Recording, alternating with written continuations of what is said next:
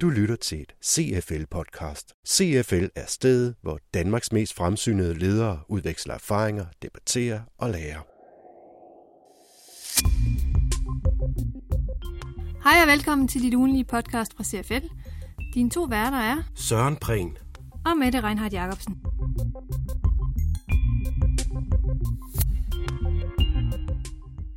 I det her podcast får du nyt fra CFL, og Søren, du har også noget klar. Smartphone er blevet en magtfaktor, som skal tages seriøst. Men forstår man som virksomhed og organisation det, så åbner der sig et hav af muligheder.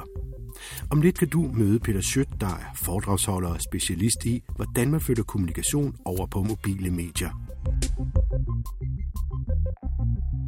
Men først nyt fra CFL. Vedholdenhed, også når det gælder upopulære beslutninger, er en af de ting, krisen har lært de danske ledere. Det har CFL's indikatorer vist for nylig. Men hvad er det ellers, krisen har givet lederne? Det er det tema Forum for Værdiskabelse har bedt CFL om at kigge nærmere på. Det er det sjette tema, forummet har formuleret i år. Og det bliver ekstra aktuelt, når det kommer på dagsordenen på CFL's klubhusmøder i uge 44. Direktør Venke Strømsnes fra TFL fortæller. Det er som sagt Forum for Værdiskabelse, som har bedt os om at se på temaet. Og noget af det, de sagde, da de satte temaet i gang, det var faktisk, krisen var ved. Hvorfor gør vi reelt ikke noget ved det? Og det de jo selvfølgelig mente, det var, at der er nogle greb, som nok er svære og nok gør ondt, men som vi er nødt til at tage øh, for at kunne håndtere den situation, som Danmark er i. Så det var egentlig det, der var antagelsen og udgangspunktet.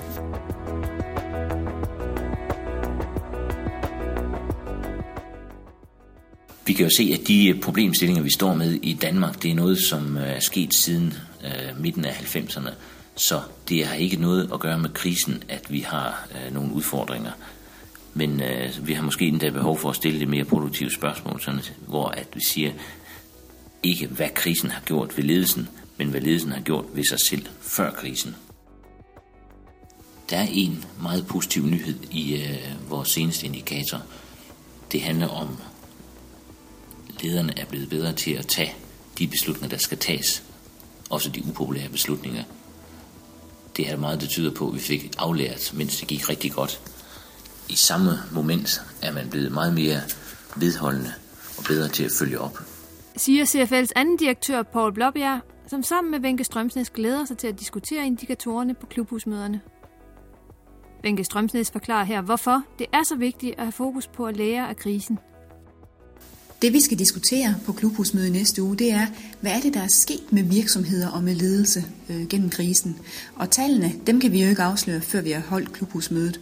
Men det vi kan sige, det er, at der er det er meget markante tal for, hvad der er sket på forandringssiden, på effektiviseringssiden, på besparelsessiden i forhold til produktiviteten, men også i forhold til fokus på løntilbageholdenhed. Det er nogle meget, meget markante tal.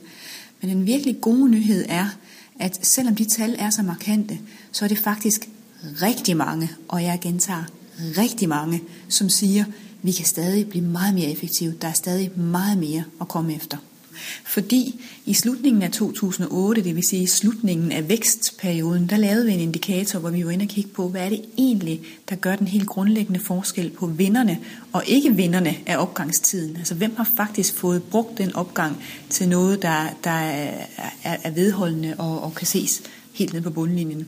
Og forskellen var meget, meget markant. Det var evaluering, feedback, opfyldning og alt det, som vi kan samle under en overskrift, der hedder vedholdenhed. Så det, at krisen måske har lært os at blive mere vedholdende og have mod til de her ting, det er meget, meget positivt og godt nyt. Og øh, alt i alt er der meget, der tyder på, og det glæder vi os til at drøfte i næste uge, at øh, vi har meget af det, der skal til på ledelsesgangene til faktisk at løse det danske produktivitetsmysterium. Og fra krisesnak til en anden form for snak, nemlig den, der foregår i den blå skole. I dag har de fleste af os danskere en smartphone. Og det betyder nye adfærdsmønstre, som er værd at holde øje med, mener Peter Schødt, der er foredragsholder og specialist i, hvordan man flytter kommunikation over på mobile medier. Dem, der har en smartphone, er langt mere på nettet på deres mobiltelefon, end de er på deres computer. Et sådan godt eksempel på, på adfærd, der er ændret, det er jo Facebook. Der er 3 millioner danskere, der er på Facebook. 72 procent logger ind på Facebook hver dag, og 2 millioner af dem logger ind via deres mobiltelefon. Men det viser, at adfærden er, altså i alle de her små ting, vi lige skal finde noget på nettet, vi skal google noget, eller vi skal gå på Facebook, eller vi skal høre noget musik, jamen så sker det for vores mobiltelefon. Jeg tror, at alle dem, der har smartphones, kan ikke genkende til, at, at det, de bruger deres PC til, er at falde ret kraftigt og er måske meget mere arbejdsrelateret. Men alle de små ting i hverdagen, man lige skal vide, det, det sker på mobilen nu i høj grad, og det går kun en vej. Altså, øh, jeg øh, bruger også på min foredrag, der har jeg øh, øh tre slides. Øh, jeg starter med sådan et Darwin-citat omkring det her med, at det er lige meget, hvor stor du er, hvor stærk du er. Hvis du ikke er, hvor kunderne er, så, øh, så er du færdig. Og det så handler jo omkring dyr. Det er lige meget, om du er en lille myre, har du lige så god overlevelseschance som en elefant. Øh, og, og der har man jo set masser af eksempler på store virksomheder, som Blockbuster sidder på et, fuldstændig på et marked i alt, hvad der hedder, i at man skal det at lege film. Men de har ikke formået at flytte sig til, at brugerne nu gør det online, og nu er Blockbuster gået konkurs i USA, og der findes ikke en Blockbuster i Danmark om et år. Og det samme med Kodak, der ikke flyttede sig, da, da, da kunderne ville have digital og, og, øh, og ikke gik ned og indleverede filmruller. Så konsekvensen er simpelthen, at man, at man mister kunder. Og man kan, øh, jeg plejer at vente om og sige, hvis det kun er 5% af danskerne, danske virksomheder, der er klar, så er der et kæmpe potentiale for at være first mover herude. Men det kræver, at man sætter sig ned og får sin strategi. For hvis man ikke er, hvor kunderne er, så er man færdig. For eksempel kan man starte ud med at arbejde med QR-koder, som kan åbne op for flere adresser og sende nyhedsbreve til. Man kan sige, at altså det, som, som der er som der er afgørende, det er, at, man skaber værdi for den bruger, som der, der er scannet det. Og igen, så er det forskelligt fra produkt til produkt. Men man kan sige, at en af de ting, som det bliver brugt rigtig meget til, det er jo mange virksomheder har en strategi for, at de er på Facebook, eller de sender nyhedsbrev ud. Og ergo så har de jo en interesse i at få samlet så mange øh, e-mail permissions som muligt, eller så mange fans til Facebook. Så det er klart, at hvis øh, Coca-Cola kører en, en stor kampagne, en outdoor-kampagne, og de har en strategi for at sige, at vi skal skulle være øh, øh, e-mailadresse til vores nyhedsbrev, så er det en god anledning at sige, kom, så sætter vi en QR-kode på og siger, scan og deltage i konkurrencen om et eller andet, hvis du tilmelder vores nyhedsbrev.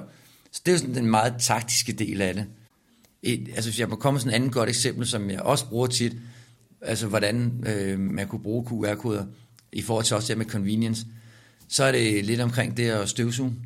Øh, jeg tror de fleste, faktisk så er det sådan, at jeg kan huske, at da Jacob Havgaard kom i Folketinget, der havde han sådan to ting at slå på. Et, det var øh, medvind på cykelstierne, og det andet, det var en støvsugepose til, talstøvsuger. støvsuger. For man kender det her med, når man er støvsuger, ikke flere støvsugerposer, skal ind på nettet, så findes der tusind varianter af de her støvsugerposer.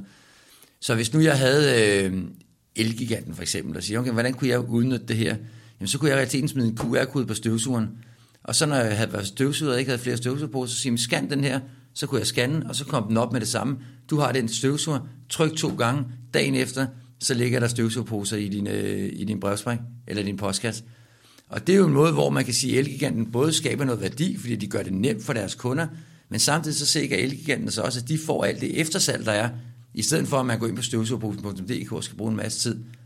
Så det handler om at finde ud af, jamen, hvad for et budskab har du i din markedsføring, øh, og hvad er det, du godt vil have brugerne til, og hvordan sørger du for, at de får det hurtigt på mobilen.